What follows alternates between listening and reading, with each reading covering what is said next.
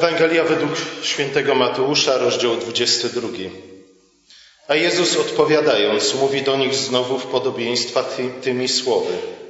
Podobne jest królestwo niebios do pewnego króla, który sprawił wesele swemu synowi i posłał sługi, aby wezwali zaproszonych na wesele, ale ci nie chcieli przyjść. Znowu posłał inne sługi, mówiąc, Powiedzcie zaproszonym, oto ucztę moją przygotowałem, woły moje i bydło tuczne pobito i wszystko jest gotowe. Pójdźcie na wesele, na wesele. Ale oni nie dbając o to odeszli, jeden do własnej roli, drugi do własnego handlu, a pozostali, pochwyciwszy sługi, znieważyli i pozabijali ich. I rozgniewał się król, a wysławszy wojsko, wytracił owych morderców i miasto ich spalił. Wtedy życzę sługom wesele wprawdzie gotowe, ale zaproszeni nie byli godni. Idźcie przeto na rozstajne drogi, a kogokolwiek spotkacie, zaproście na wesele. Słudzy ci wyszli na drogi, sprowadzili wszystkich, którzy napot, których napotkali, złych i dobrych. I sala weselna zapełniła się gośćmi. A gdy wszedł król, aby przypatrzeć się gościom, ujrzał tam człowieka nieodzianego w szatę weselną i rzecze do niego, przyjacielu, jak wszedłeś tutaj, nie mając szaty weselnej, a on oniemiał. Wtedy król rzekł sługom, zwiążcie, zwiążcie mu nogi i ręce i wyrzućcie go do ciemności zewnętrznej. Tam będzie płacz i zgrzytanie zębów. Albowiem wielu jest wybranych, ale, albowiem wielu jest wezwanych, ale mało wybranych. Oto Słowo Boże.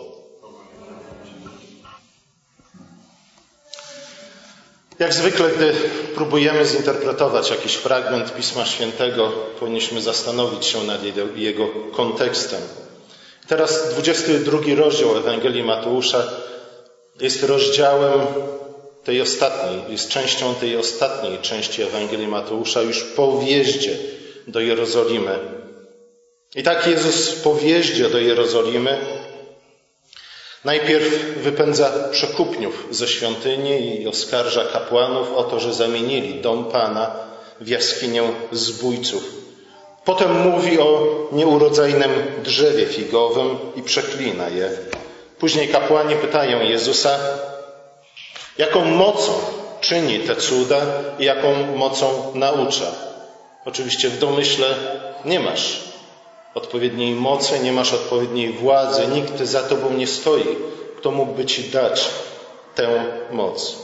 Dalej znajdujemy przypowieść o dwóch synach, o dzierżawcach winnicy i potem właśnie tę, czytaną przed chwilą, przypowieść o uczcie weselnej. Następnie Jezus odpowiada na pytania, o pytanie o płacenie podatków, o zmartwychwstanie, a także o największe przykazanie. W końcu sam zadaje pytanie, zadaje je wtedy, gdy wszyscy już zamilkli, mówiąc, czym, czyim synem ma być Chrystus, czyli Mesjasz. Następnie przychodzi 23 rozdział. Jezus wypowiada siedmiokrotne biada pod adresem uczonych w piśmie i faryzeuszów. A w 24 rozdziale zapowiada zniszczenie Jerozolimy, miasta, które nie przyjęło swojego króla. Zatem przypowieść o uczcie weselnej, którą dzisiaj przeczytaliśmy, jest częścią polemiki z ówczesnymi przywódcami Izraela. Oni są tymi, którzy nie chcą przyjść na ucztę weselną i których miasto król niszczy w sądzie. Taka reakcja, zniszczenie miasta w odpowiedzi na odmowę uczestnictwa w uczcie weselnej można, może na pierwszy rzut oka wydawać się przesadną. Ale pamiętajmy o tym, że nie jest to zwykłe wesele. Nie byle kto zaprasza na to wesele, ale sam król zaprasza na wesele własnego syna.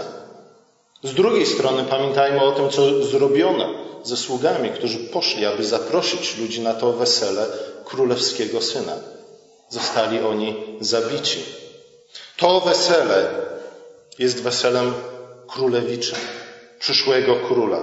Jest zatem wydarzeniem wagi państwowej, nie jest prywatnym prywatną okazją. Odmowa udziału w tym weselu jest aktem nieposłuszeństwa w stosunku do króla. Jest w gruncie rzeczy rebelią wobec władzy królewskiej, zdradą stanu nawet, moglibyśmy powiedzieć. Zaproszeni na ucztę, kiedy odmawiają udziału w tej uczcie, doskonale wiedzą, czym ryzykują. Podobnie też brak odpowiedniej szaty na uczcie weselnej stanowi publiczne okazanie pogardy stosunku do króla. Na wesele syna królewskiego nie przychodzimy w t-shirtach, nie przychodzimy w dziurawych dżinsach, nie przy, przychodzimy w laczkach, ale przychodzimy w garniturach. Nie? Tego oczekuje król od gości, którzy przychodzą na ucztę weselną. Pojawienie się na tej uczcie weselnej w nieodpowiedniej szacie, która może jest jak najbardziej odpowiednia, ale przy innej okazji, ale nie przy tej okazji, jest znieważeniem, publicznym znieważeniem samego króla. Jak to publicznie znieważa samego króla, ten powinien liczyć się z konsekwencjami.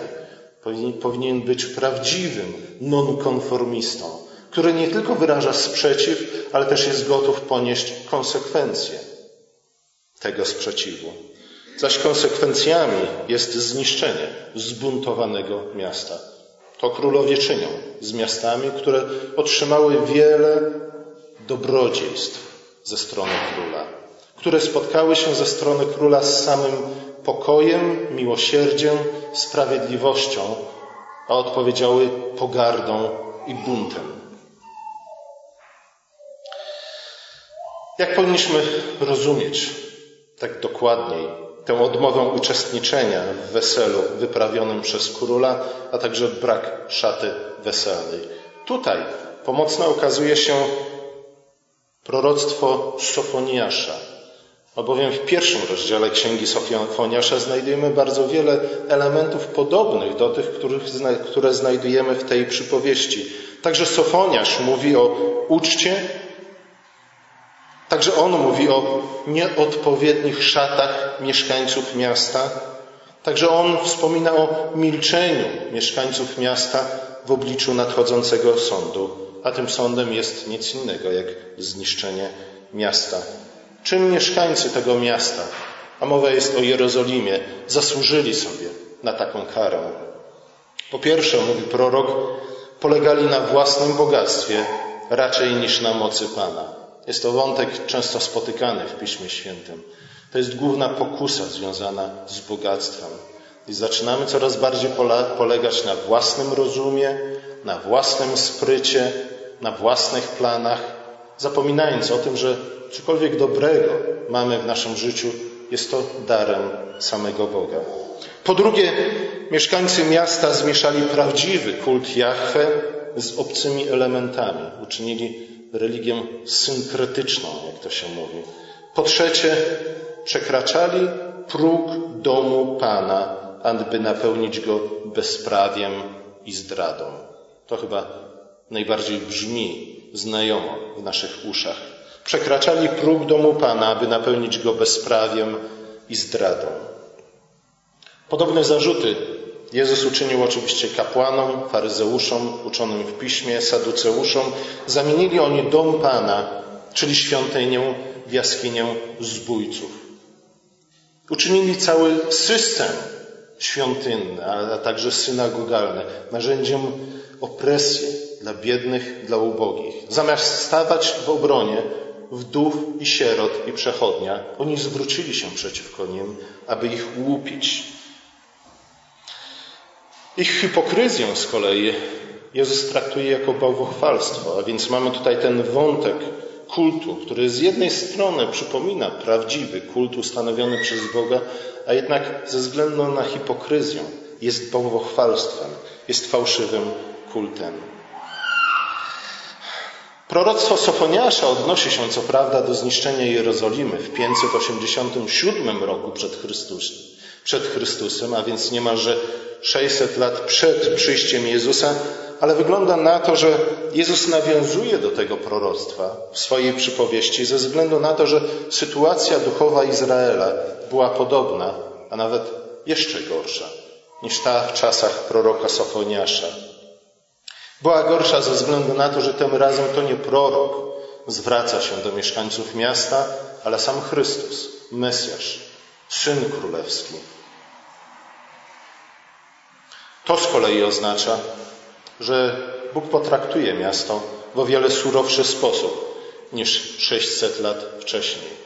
Da, co prawda, mieszkańcom Jerozolimy, po tym jak zabiją Syna Królewskiego, kolejne 40 lat, kiedy będą słyszeć wezwanie do upamiętania, wezwanie do tego, aby jednak przyszli na ucztę weselną w odpowiedniej szacie, ale ci, którzy przez te 40 lat będą trwać w buncie, będą publicznie okazywać pogardę dla króla, tych spotka los buntowników. To prawda, że w swoim pierwszym znaczeniu ta przypowieść odnosi się nie do naszych czasów. Odnosi się do miejsca i zdarzeń bardzo odległych od nas, również w czasie. Adresatami tej przypowieści są przede wszystkim ci, z którymi Jezus w tamtym czasie dyskutował po wjeździe do Jerozolimy.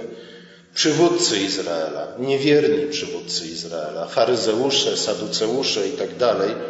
I bardzo łatwo jest nam ich osądzać. Ale wydaje mi się, że w zastosowaniu przekazu, przesłania tej przypowieści nie powinniśmy ograniczać się tylko i wyłącznie do potępienia, pokiwania palcem pod adresem ludzi, którzy żyli dwa tysiące lat temu. Powinniśmy w jakiś sposób jednak spróbować odnieść jej przesłanie do nas samych. I wskazuje na to choćby postać osoby, która co prawda znalazła się na weselu, ale znalazła się tam w nieodpowiedniej szacie. I ze względu na tę nieodpowiednią szatę, w naszych oczach zdawać by się mogło błahostkę, została wrzucona w ciemności zewnętrzne, gdzie jest płacz i zgrzytanie zębów. Czym jest ta szata, o której jest tu mowa? Szata w Biblii i w Nowym Testamencie oznacza wiele rzeczy, ale w tym przypadku wydaje się, że chodzi o sprawiedliwe uczynki świętych. Ten bowiem sposób Księga Apokalipsy, 19 rozdział, opisując nic innego jak właśnie wesele baranka, mówi o tym, że ci, którzy uczestniczą w tym weselu baranka, są przyodziani w szaty, a tymi szatami są sprawiedliwe uczynki świętych. Jednym z głównych zarzutów Jezusa pod adresem elit Izraela był właśnie brak tych sprawiedliwych uczynków świętych. Okazywali wielką skrupulatność w wyliczaniu dziesięciny z mięty, z kopru, z kminku, ale zapomnieli o rzeczach o wiele ważniejszych. Jezus nie gania ich za tą skrupulatność w wyliczaniu dziesięciny, ale mówi, skrupulatność w wyliczaniu dziesięciny nie tylko, że nie ma żadnego znaczenia, ale wręcz staje się oskarżeniem w stosunku do Was, jeśli brakuje Wam rzeczy o wiele ważniejszych, rzeczy, na które wskazuje dziesięcina, do których wzywa nas dziesięcina, a mianowicie sprawiedliwości, miłosierdziu i wierności. Przywódcy Izraela w tamtych czasach myśleli, że drobiazgowość i pedantyczność w sprawach kultu zwalnia ich w pewien sposób z obowiązku miłości bliźniego.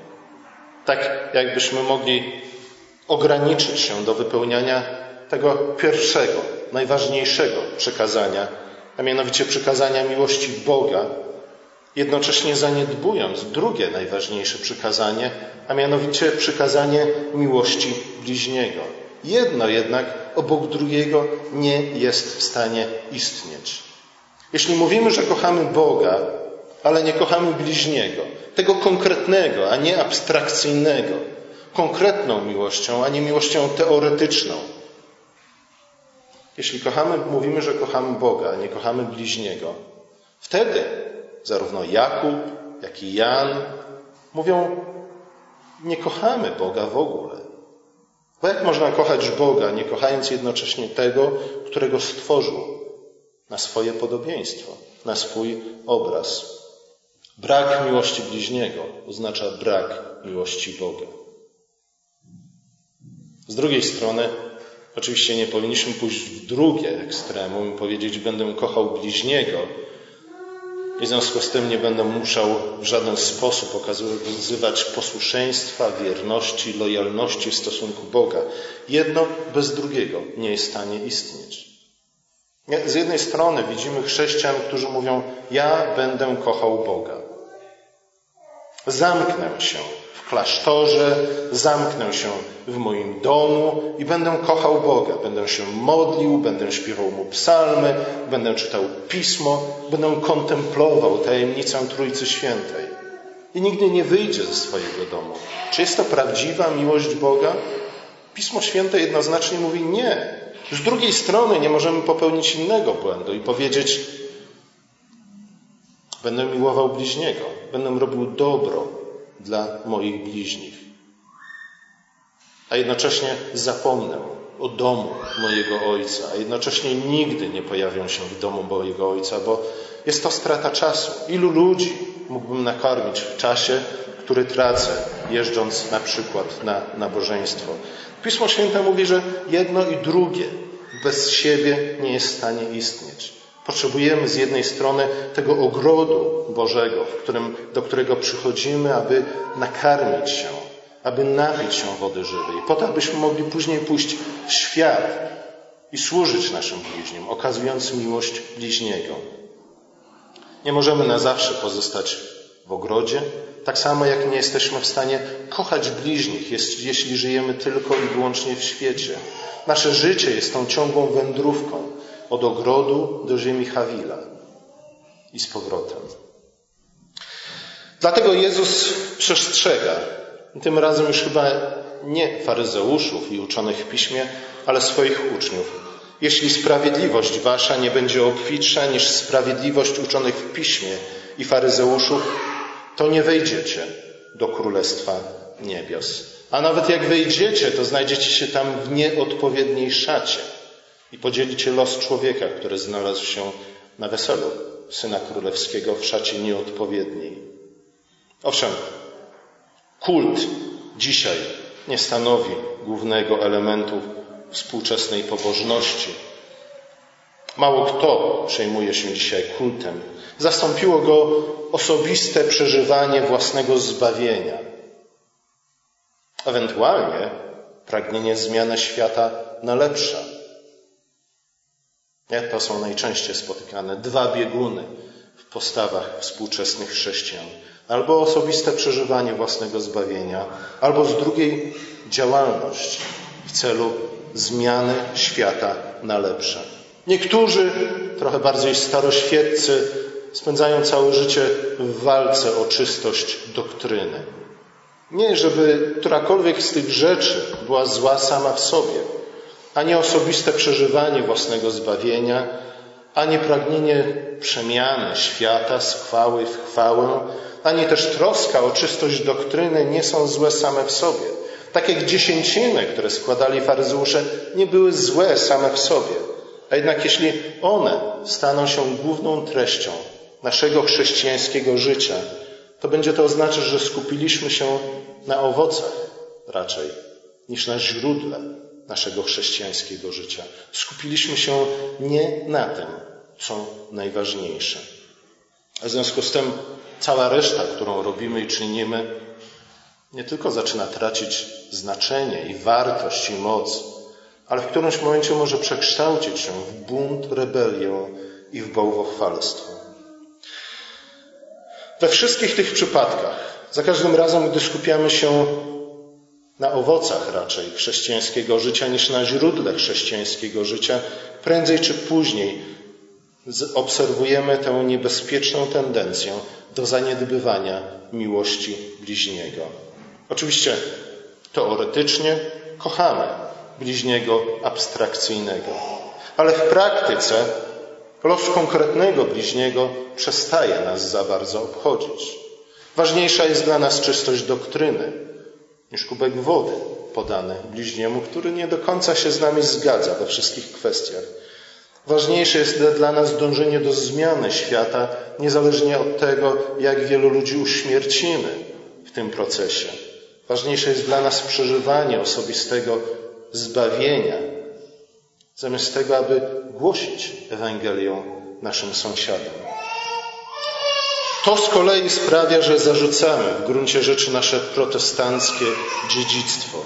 Jako protestanci oczywiście wyznajemy wiarę w zbawienie z łaski na podstawie sprawiedliwości Chrystusa, którą, która staje się naszą sprawiedliwością poprzez wiarę.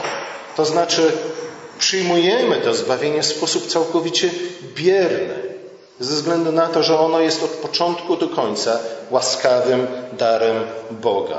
Wydaje nam się, że na tym możemy poprzestać. A jednak Pismo Święte mówi, że zbawcza wiara jest wiarą czynną w miłości. Jakub stwierdza to samo innymi słowami, mówiąc: Nic nam nie pomoże, jeśli mówimy, że wierzymy w Boga, ale dla brata w potrzebie mamy co najwyżej dobrą radę i nic oprócz tego. Luter, mówiąc o tajemnicy zbawienia, czyli wiary, a także życia chrześcijańskiego, czyli miłości, mówił, że w stosunku do Boga jesteśmy właśnie tymi całkowicie pasywnymi odbiorcami łaski i wszelkich błogosławieństw. Tutaj żadne nasze uczynki nie mają znaczenia, ze względu na to, że jeśli byśmy chcieli zaskarbić sobie łaskę Bożą poprzez nasze dobre uczynki, stalibyśmy się bałwochwalcami, poganami. Ale z drugiej strony, w stosunku do bliźniego, musimy być zawsze tymi aktywnymi dawcami miłości. Tutaj nasze uczynki mają jak największe znaczenie. Bez tych uczynków wiara, z którą zwracamy się do naszego Boga, aby przyjąć Jego łaskę, Jego błogosławieństwa, jest pustą, czczą, martwą wiarą. Zatem, jeśli chcemy z jednej strony słuchać Chrystusa, Jego przestróg, a przede wszystkim może zachęt, a z drugiej strony, jeśli chcemy pozostać wierni naszej reformacyjnej spuściźnie, powinniśmy pamiętać o tym, że z jednej strony, tak, jesteśmy zaproszeni na wesele baranka, na ucztę Syna Królewskiego. Jest to dar Bożej łaski. W żaden sposób sobie na to nie zasłużyliśmy, w żaden sposób sobie tego nie zaskarbiliśmy.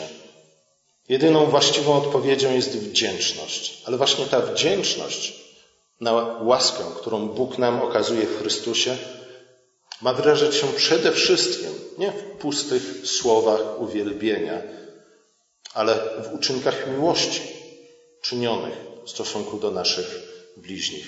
Ponieważ to one są tymi uczynkami sprawiedliwości, czy też szatą sprawiedliwości, którą przyodziewamy się, po to, abyśmy mogli stanąć zgodnie przed tronem Boga, który pysznym się sprzeciwia, lecz pokornym daje łaskę.